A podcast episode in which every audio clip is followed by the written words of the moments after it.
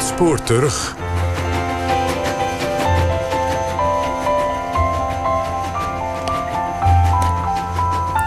En dan nu een verhaal over de teloorgang van het laatste bisschoppelijke jongensinternaat van Limburg. Luistert u naar Een vreemde eend tussen de kippen, een documentaire van Pieter Bas van Wiegen, die zelf een van de laatste internen was. Dan was er een enorme eetzaal met dus bijna 190 geloof ik stoelen. En die werden allemaal in één keer achteruit geschoven. Als dan het gebed was gebeden, dan gingen in één keer al die stoelen achteruit. Over dat enorme lawaai, daar schrok ik wel heel erg van. Dat herinner ik me nog heel goed. Dat ik denk, mijn god, wat, wat is dit? Vaak was het heel leuk, maar vaak was het ook eh, dan was het best wel problematisch.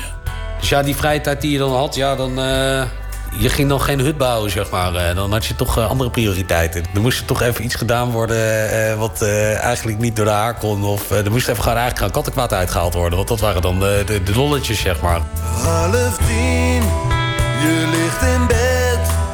Want half tien is half tien. Een lentezomeravond. Door de luidsprekers van mijn Philips cassettespeler klinkt De Jaren van Verschil. Een nummer van de nieuwste plaat van de Truckener Keks. Een gruizige Nederlandstalige band met zanger Rick de Leeuw... die niet zingt door zijn stembanden te laten trillen... maar door er teksten doorheen te persen. Rauwe stadse rock met een randje punk...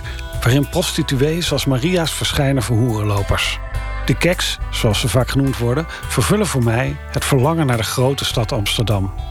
Een plek waar ik al sinds mijn achtste van droom. Amsterdam, zo ben ik overtuigd, dat is de vrijheid. Daar kun je zijn wie je bent. Maar ik ben daar nog niet. Ik zit hier in Roermond, in het zinderende Limburg... op een klein kamertje van 2 bij 3 meter. Een sigaret in het fietsenhok. Oh, het mag niet, dus rook je wel. Buiten schijnt de maan. En soms scheert er een vleermuis voorbij. Het licht aandoen komt je op een reprimande te staan. Links naast de deur zit zo'n vierkante doorzichtige steen om je te verklikken. Maar de leiding gebruikt hem al lang niet meer. Wij zetten een bosatlas voor de steen en de leiding hangt ondertussen uit het raam om te kijken bij wie er nog licht brandt. En als dat zo is, dan doen ze per verrassing je deur open. Licht uit! Ik zit op mijn bed en luister op zacht niveau naar dit nummer. Zoals gewoonlijk sta ik in het donker. Ieder woord klopt. Ik bijt op mijn lip en vecht tegen een traan. Voor het eerst in drie jaar.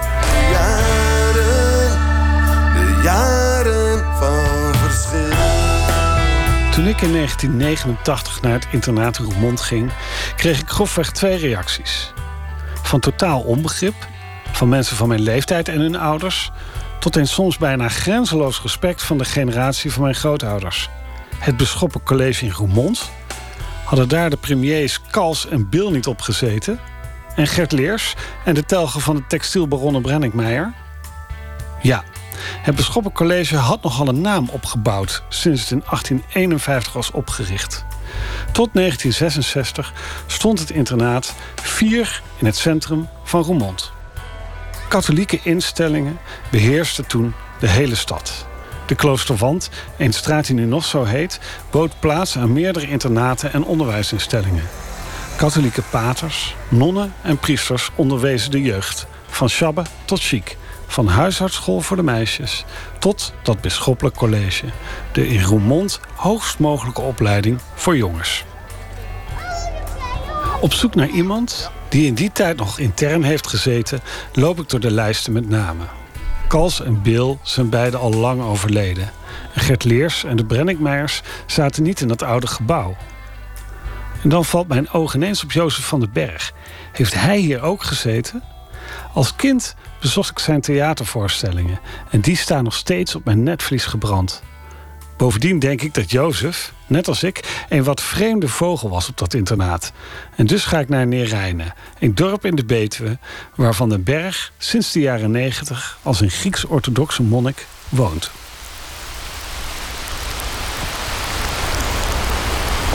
Het regent en dus nemen we plaats in het hutje waarin hij ook woont. Het geval, gemaakt van decorstukken uit diverse voorstellingen, is klein. Eigenlijk net zo klein als een kamer op het internaat. Het was in ons, in ons gezin, in mijn ouderlijk huis... bij mijn vader en mijn moeder was dat een beetje de traditie geworden. Mijn vader heeft op een gegeven moment besloten om mijn broer Alois... om die naar kostschool te sturen. Omdat het allemaal een beetje... Ja, hij wilde heel graag dat zijn zonen... dat er iets van terecht zou komen. En we, we waren best wel qua jongens, zeg maar... die, ja, die hij dacht, ik moet hun echt wel even begeleiden... anders komt er niks van terecht. Zo had hij op een gegeven moment het advies gekregen... van waarom doe je hem niet naar de kostschool? En Alois, mijn broer Alois heeft dat toen wel als een soort verraad gevoeld... dat hij daar naartoe moest. Zeg maar om dat zo te zeggen, een soort van... oh god, nu moet ik alleen. Maar laat heeft mijn vader alle andere zonen er ook naartoe gestuurd... omdat het hem kennelijk toch wel beviel. Dat ze in ieder geval zeker... Hij wist zeker, dan gaan ze toch, gaan ze toch ergens uitkomen. En dat was natuurlijk best wel duur... maar dat, dat ging toen nog net goed... Maar toen ik aan de beurt was, ik was dus de vijfde... toen vroeg hij mij, eh, Jozef, wat, wat wil jij? Wil jij naar het Canisius College in Nijmegen... of wil je ook naar het Bisschoppelijk College? En ik heb toen gezegd, in naar het Bisschoppelijk College. Het gebouw waar Jozef van den Berg begin jaren 60 binnenliep... was een andere waar ik in 1989 terecht kwam. Het lag midden in de stad, het lag aan het Münsterplein. En Naast de gro- grote school stond de Münsterkerk. Die grote torens, waar we, waar ook wel eens zijn ingeklommen. Stiekem. we deden allemaal dat soort dingen wel hoor. We waren echt wel qua jongens. Maar dat grote gebouw was een groot vierkant gebouw. Heel groot, heel groot. Met, met aan een, middenin was een, was een plein, een speelplein met allemaal bomen erop. En daaromheen stonden al die gebouwen. Eh, er was natuurlijk ook een externaat waar de, waar de scholen, waar de klas was, waar, de kla- waar, ook de externen naartoe kwamen. Maar er was ook een groot gedeelte, was het internaat. Ja, hele grote gangen, hele lange gangen. Met aan de ene kant een eetzaal. Een kapel was er ook. Een kapel waar, waar iedere avond en iedere ochtend ook ochtendgebeden werden gebeden. En dan met trappen naar boven, naar de slaapzaal. Dat waren twee of drie slaapzalen. Twee hele grote slaapzalen met allemaal chambretjes. Helemaal kleine hokjes. Zo, groot als waar ik nu in zit samen met u. Eh, zo groot was ook mijn chambretje. Je had een gordijn, een wit gordijn. Maar van boven was alles open. Dus het, het waren allemaal hokjes. Waar je dus als je over dat randje kon lopen... kon je daar gewoon overheen lopen als je voorzichtig was. Snap je? Zo gingen we bij elkaar op bezoek, enzovoort, enzovoort. Ja, dan werd je natuurlijk ook wel gestraft. En dat was natuurlijk ook voortdurend was er ook toezicht. Dat, die gingen dan op een gegeven moment wel weg. Maar die kwamen dan ook wel eens weer terug om te kijken of alles goed, of alles rustig was, of iedereen sliep. Het voelt inderdaad een beetje alsof ik via de rand van een chambretje... naar mijn mede-intern Jozef van den Berg ben geklauterd. Maar de schijn bedriegt. Het internaat in zijn tijd was totaal anders dan het mijne. In het grote gebouw in het centrum van Roermond woonden behalve interne ook nog priesterprefecten. De priesters die toezicht hielden op de jongens. Deze mannen liepen vaak nog in religieuze kleding. En ze waren streng. Hun wil was wet. En dat was lastig voor de jonge Jozef. In het hele grote internaat in de stad was eigenlijk voortdurend was je altijd binnen. En er stond een portier bij de deur, Willem. En die, die wist wel dat de jongens graag naar buiten wilden. Uh, maar dat mocht niet. Maar dan werkte hij wel eens mee. Dan zei hij, Willem, en keek hij of er iemand in de gang stond te kijken. En dan keek hij even links of rechts of er ergens iemand stond. Een priester die dus daar die taak had om je in de gaten te houden. En dan knikte hij niet. Nee. En dan rende je gauw over en dan was je, dan was je dus bij de grote deur. En dan was je buiten. Je moest ook echt voorzichtig zijn dat je niet... Want reden, ze reden ook wel eens met autootjes door de stad om te zien of de jongens buiten waren. Of ze gingen kijken waar je was. Want ze wisten wel, ja, die, die, zijn best vaak weg. Waar zijn ze? Zitten ze in de, in de, in de groepskamer?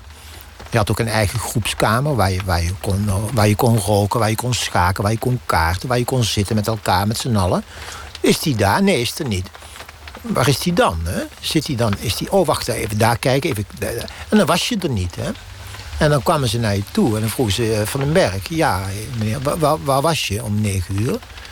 En dan moest je dus antwoord geven en dan, en dan was je er niet. Of dan was je, was je, was je dan buiten. Nou, dan kreeg je, kreeg je kleur op je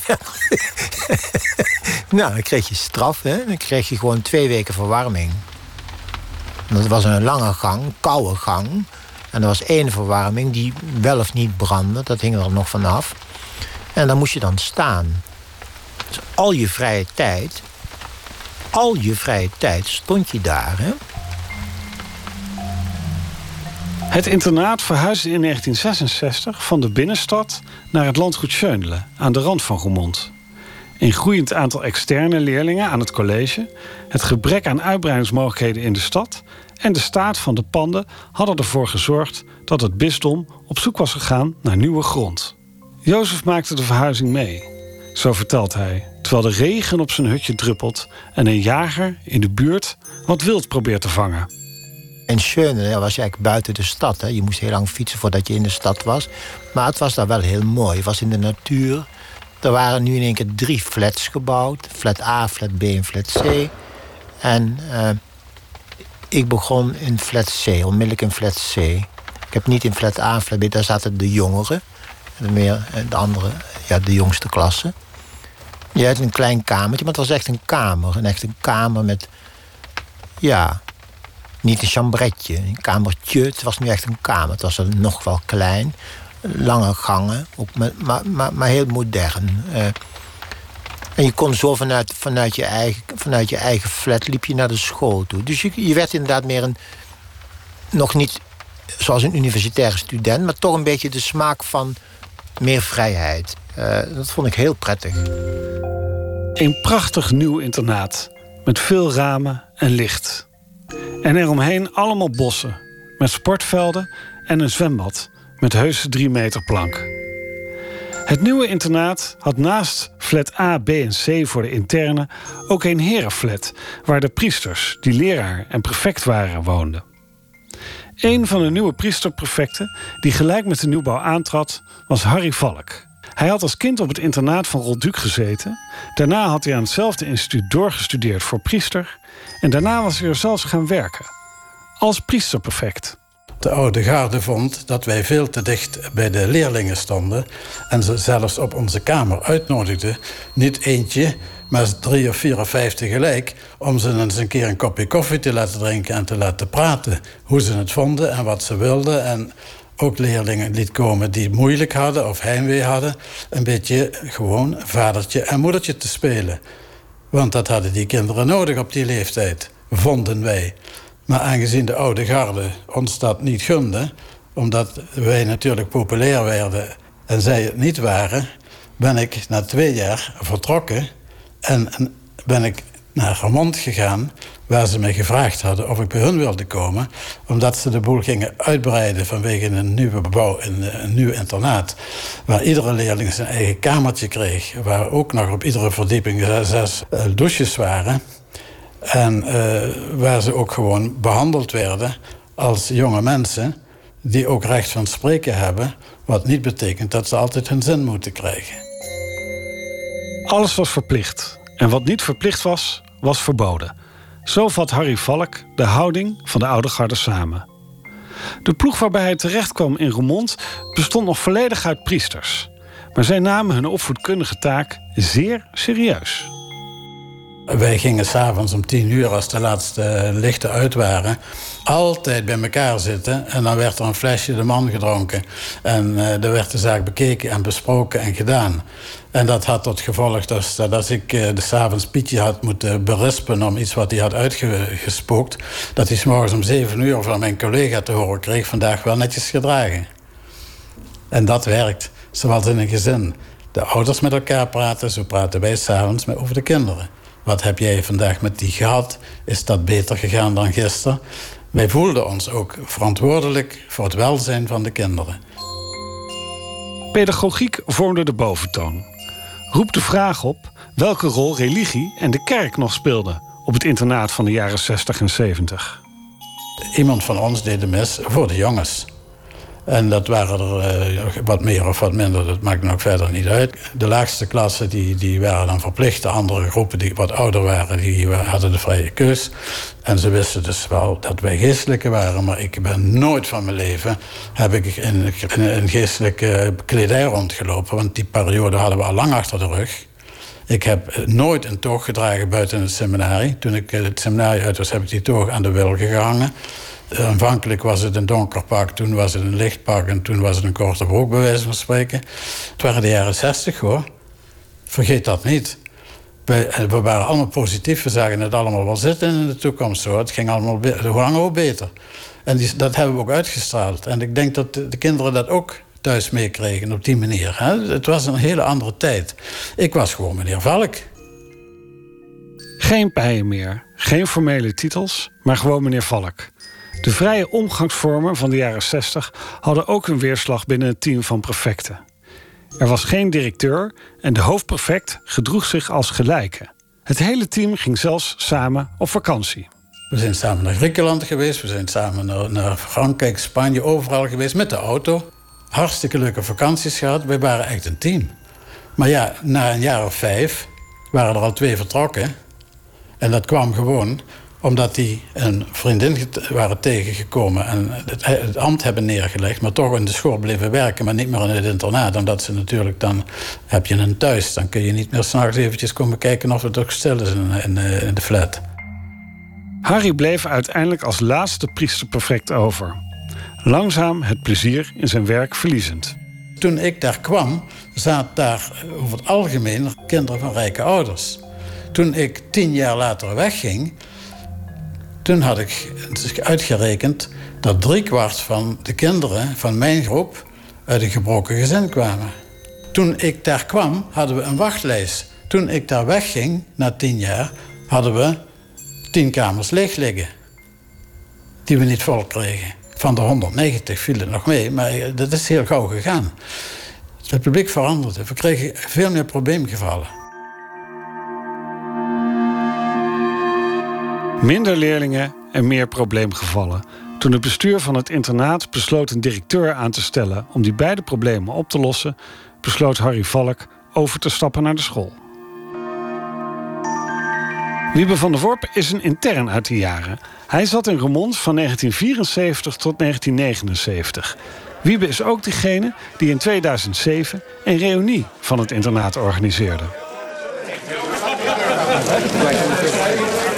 Ja, dit was de, de ruimte voor de ontspanning. Dit ja, dit, dit even kijken. Ja, dit was een reunie waar veel gelachen werd, waar anekdotes verteld werden.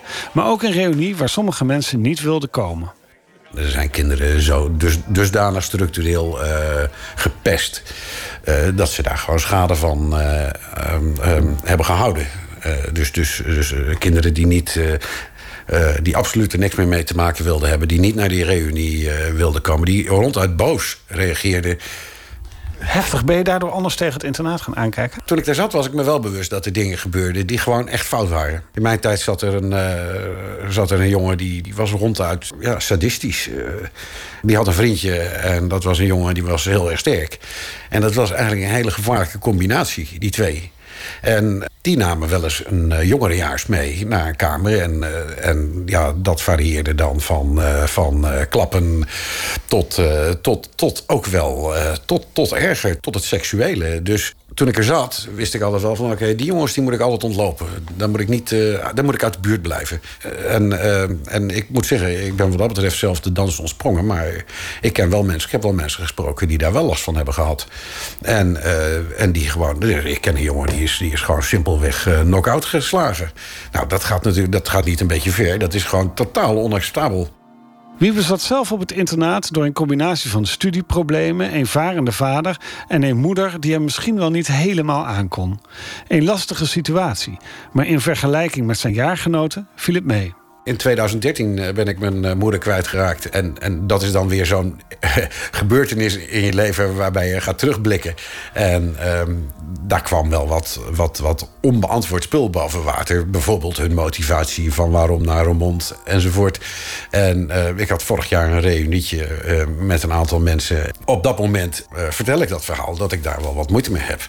En we gaan gewoon de groep langs. En er komt gewoon bagger boven van gezinnen waar zij uitkomen. Waarbij uh, dus uh, alcoholisme een grote rol speelt. Veel psychische problemen van ouders. En ik dacht na dat rondje, ik denk, oh, waar heb ik het over? Ik moet niet zeuren. Ik, het, het, is helemaal goed met mij. Uh, die jongens die hebben het veel zwaarder gehad. En zo komen we aan bij mijn tijd. Ik was een wat vreemde eend tussen de kippen, zoals de internen in Roermond genoemd werden. Mijn ouders zaten niet in het buitenland. We hadden geen internaatstraditie en ik had ook geen ernstige gedragsproblemen. De reden dat ik naar het internaat ging was een dramatisch verlopen lagere schooltijd. Zes jaar vrije school had mij vier jaar onderwijsachterstand opgeleverd. En ouders die verwikkeld waren in een ideologische strijd. Toen ik 13 was, lieten mijn ouders het woord internaat vallen. En als ik heel eerlijk ben, vond ik het eigenlijk wel een spannend idee. Even werd er in België gekeken, maar de internaten daar waren zo religieus en ouderwets, dat ging ook mijn ouders te ver. In Limburg was het Bisschoppen College inmiddels overgenomen door leken en was de sfeer moderner. Ik ga op zoek naar een intern uit mijn tijd, Gijs van Zel. Ik heb hem 26 jaar niet gesproken, maar even googelen en ik vind zijn bedrijf in Den Haag. Gijs? Van Zel. Met Pieter... Ja, hallo. Hallo, met Pieter Bas spreek je. Hallo. Pieter Bas van Wiegen. Weet jij nog wie ik ben? Uh, ja, zit jij niet bij mij op school vroeger? Ja, precies. Op het internaat, om precies te zijn. toch? Hè? Wat zei je? Op Schönelen? Jij zat toch op Schönelen? Ja, zeker. Jij toch ook? Contrabas. Ik speelde ook toen al contrabas, inderdaad. En iedereen herinnert zich vooral dat. Maar waarom ik Gijs nu opzoek, heeft vooral te maken met het feit dat wij nogal wat tijd met elkaar doorbrachten. Gijs was s'nachts namelijk buitengewoon actief en kwam vaak op de stoel naast mijn bed zitten om daar gezellig een uurtje te ouwe horen. Zachtjes luisterden we naar bandjes van Van Koten en de Bie en leerden hele sketches uit ons hoofd. En we hadden het over muziek. Gijs hield van hardrock, van Van Halen en Ingy Malmsteen. Ik was meer van de funk, van de Red Hot Chili Peppers en Gotcha. We lopen wat lijsten jongens door. Met iedereen die op het internaat zat, was wel iets. Een geadopteerde jongen die door zijn ouders min of meer in de steek was gelaten. Jongens die ieder weekend een paar honderd gulden zakgeld kregen. Gasten die hun eigen krachten niet kenden, waardoor ze in hun eigen thuisstad niet meer op straat mochten komen. En heel erg veel drugsdelicten. Er werd veel gebloot op het internaat. En dat was ook de reden dat de ene na de andere de tent moest verlaten. Ik denk dat je er zo tien inderdaad uit kan halen. Dus toch wel twee derde in hem. Ja, maar voor mijn gevoel was dat helemaal niet zo. Maar dat is dat als je niet gaat terugdenken en je gaat inderdaad tellen, dan uh, komt het toch wel op een hoop. S'avonds om, uh, om, uh, om tien uur of zo geef stiekem uit het raam hangen. En dan om in twee trekjes of zo, weet je wel. En dan. ja, je had gewoon van die gasten die begonnen gewoon voor schooltijd al kwart over acht ochtends even het hele systeem even plat rijden. Kijken wat er gebeurt. Waar blijven daar toch die resultaten? Waar blijven daar toch die resultaten? Maar de fiets op een gegeven moment, bij sommige mensen werd het ook speed. Die kwamen met reten strak op zondagavond thuis. Wij waren toen dus uh, allemaal uh, 15, 16. Hè? Het was niet uh, dat het uh, op je 18e even party Nee, het waren gewoon echt jonge gasten gewoon, die redelijk hard tekeer gingen dan. dat is toch best wel bizar. Agressie, mishandeling, drank en drugs. Het was er allemaal al in de jaren 70. Maar in onze tijd was het heftiger en meer. Hoe ging de leiding eigenlijk om met deze problemen? Konden ze het wel aan? En leidde het niet onherroepelijk tot het einde van het internaat? Jean Smeets, in mijn tijd directeur, leeft niet meer. Maar het lukt me wel om twee prefecten van het laatste uur te traceren. Matt Jansen, die van 1975 tot midden jaren 90 jeugdleider en prefect was... en Mark Wijnen, mijn begeleider. Jongen, jongen. Ik had je zo herkend. Kom, zet de fiets binnen. ik had je zo herkend. Ja, ik ben ook nu wel heel lang niet naar de kapper geweest, moet ik eerlijk bij zeggen. Maar goed. Het is alleen dat je je stem wat zwaarder is, maar voor de rest ben je geen flikker veranderd. Ja, even zeker. Mark Wijnen kwam in 1987 na een carrière bij Defensie bij het internaat werken. Hij was prefect op flat A, bij de eerste, tweede en derde klassers. Ook was hij coördinator van het leger bijlesdocenten... dat elke dag het internaat binnentrok om ons over te helpen. Hij was strikt, duidelijk en praatte in staccato. Niet vreemd dus dat wij hem de generaal noemden. Het was wel zo dat bijna iedereen met een rugzakje binnenkwam. En dat herken ik wel. Toen ik kwam waren er al behoorlijk wat mensen met een rugzak. Uh, waar ik van vond dat uh, mijn collega's daar in het verleden te weinig aan gedaan hebben. Uh, van, want het was echt wel, als je maar in het gereel liep en, en je uh, een beetje meeding, dan was het goed. En ik denk dat op een internaat veel meer uh, gedaan moest worden. Mark viel als jonge man van 26 de problemen aan, maar stuitte al snel op iets dat het werk zeer lastig maakte. Dat was ook zwalkend beleid. Hè? In het begin kon heel weinig. En onder druk van de financiën kon opeens veel meer. Hè? Ik, ik ben voorstander van uh, uh, zero tolerance hè, op gebied van drugs. En dat, daar gingen we ook op een geleide schaal. Hè. De eerste jaren was het inderdaad uh, iemand die drugs had gebruikt... of waar we het aantroffen, dan was het inderdaad een schorsing en een verwijdering. Uh, om geen blik was het toch uh, heel, heel raar dat Smeets niet meer aandurfde. om mensen van, van, van het internaat te verwijderen. Vanwege drugsverbruik, omdat gewoon de financiën onvoldoende waren. Het aantal internen was teruggelopen. Van 190 in de tijd van Jozef van den Berg... naar ongeveer 100 toen Wiebe van der Worp het internaat verliet... tot 50 in de tijd dat ik er aankwam.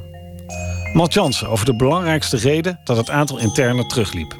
Omdat het zo duur werd. Dat is ook wat ouders vertellen gewoon. Hè? Omdat het zo duur werd. En omdat er studiebegeleiding in de buurt was. Uh, ja, kreeg je ook dat ouders zeiden... nou, die noodzaak om het kind uh, op een internaat te plaatsen... is er niet meer. Telt daar maar bij op dat de gezinnen kleiner werden. En bovenal was het imago veranderd. Je kind naar een internaat sturen werd steeds meer gezien als een brevet van onvermogen. Het soort interne hielp ook niet mee.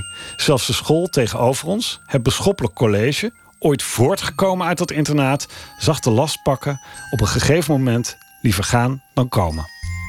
Die, die uh, groepeerde de mensen in. En dit zijn de jongens vanuit Roermond en de meisjes van Roermond en omgelegen uh, uh, gebieden. En dan hebben we nog die jongetjes van het internaat. Sommige jongens van het internaat waren goed gebekt in verhouding tot Limburgs vlot van, van tong. Nou, daar waren ze in het zuiden niet erg gecharmeerd van, van die docenten op Zeundelen. En dan merk je dan ook met name als het spannend werd, want wij zaten aan een rapportvergadering, dat ik iemand nog kon over overtuigen van zo'n docent... als we nog iets extra's doen, uh, zou je hem dat half puntje dan wel gunnen... zodat hij wel over kan. En dat was dan bij Schöner, was trek aan een dood paard soms. Steeds meer gangen en kamertjes werden gesloten. De situatie werd steeds lastiger. Ook de arbeidsomstandigheden waren niet meer bij de tijd. Stammend uit de tijd dat priesterprefecten nog in het internaat woonden... werden ook de leken Matt Jansen en Mark Wijnen niet betaald voor hun nachtdiensten. Ze werkten soms wel 26 uur achter elkaar. En toen was het 13 april 1992.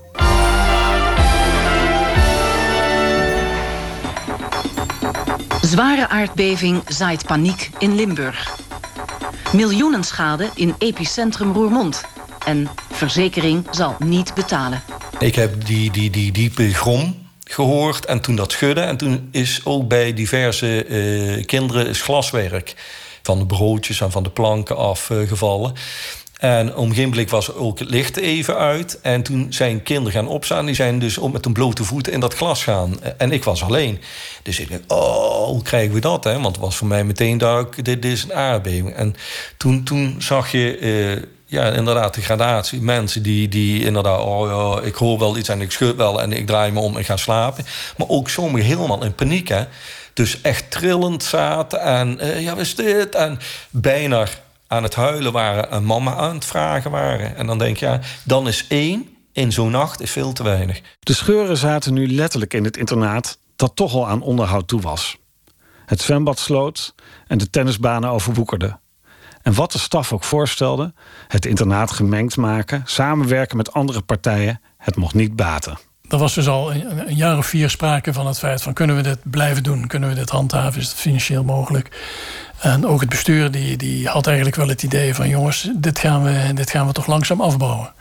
Dus je kreeg minder leerlingen. Of dat is, dan praat ik over de laatste twee jaar, zeg maar. Je ging dus ook minder leerlingen aannemen natuurlijk. Want ja, je kunt geen mensen aannemen voor twee jaar... en dan zeggen van zoek het dan verder zelf maar uit. Dus we probeerden zoveel mogelijk af te maken. En een paar maanden voor het einde van het internaat... kwam dus de mededeling... we beginnen het volgend schooljaar niet meer. Dat was ergens in, eh, wat, zal, wat zal het zijn geweest, januari, februari, na de kerstvakantie. Dat het bestuur dus met de mededeling kwam van we stoppen ermee en het volgende schooljaar zijn we dicht. Dan hebben we gezegd, hoe kan dat nou? Wat, waar zijn jullie mee bezig? De staf moest bij het bestuur hemel en aarde bewegen om het internaat voor die paar eindexamenleerlingen van het jaar erop toch nog even open te houden. En toen, in 1994, viel definitief het doek. Goedemorgen dames en heren, nou voor enkele ogenblikken station Roermond. Na een korte stop in Roermond gaan we om 11 uur weer verder. Stopt de trein nog in Sittard en eindbestemming Maastricht. In Roermond, de stad waar ik vier jaar lang woonde, fiets ik als vanzelf de Capella af, richting het internaat. Ik herken het uitzicht, het kapel en de school. Maar het internaat zelf is er niet meer. Afgebroken. Het is vreemd om hier te staan. En ik vraag me eigenlijk af wat die periode precies met mij gedaan heeft.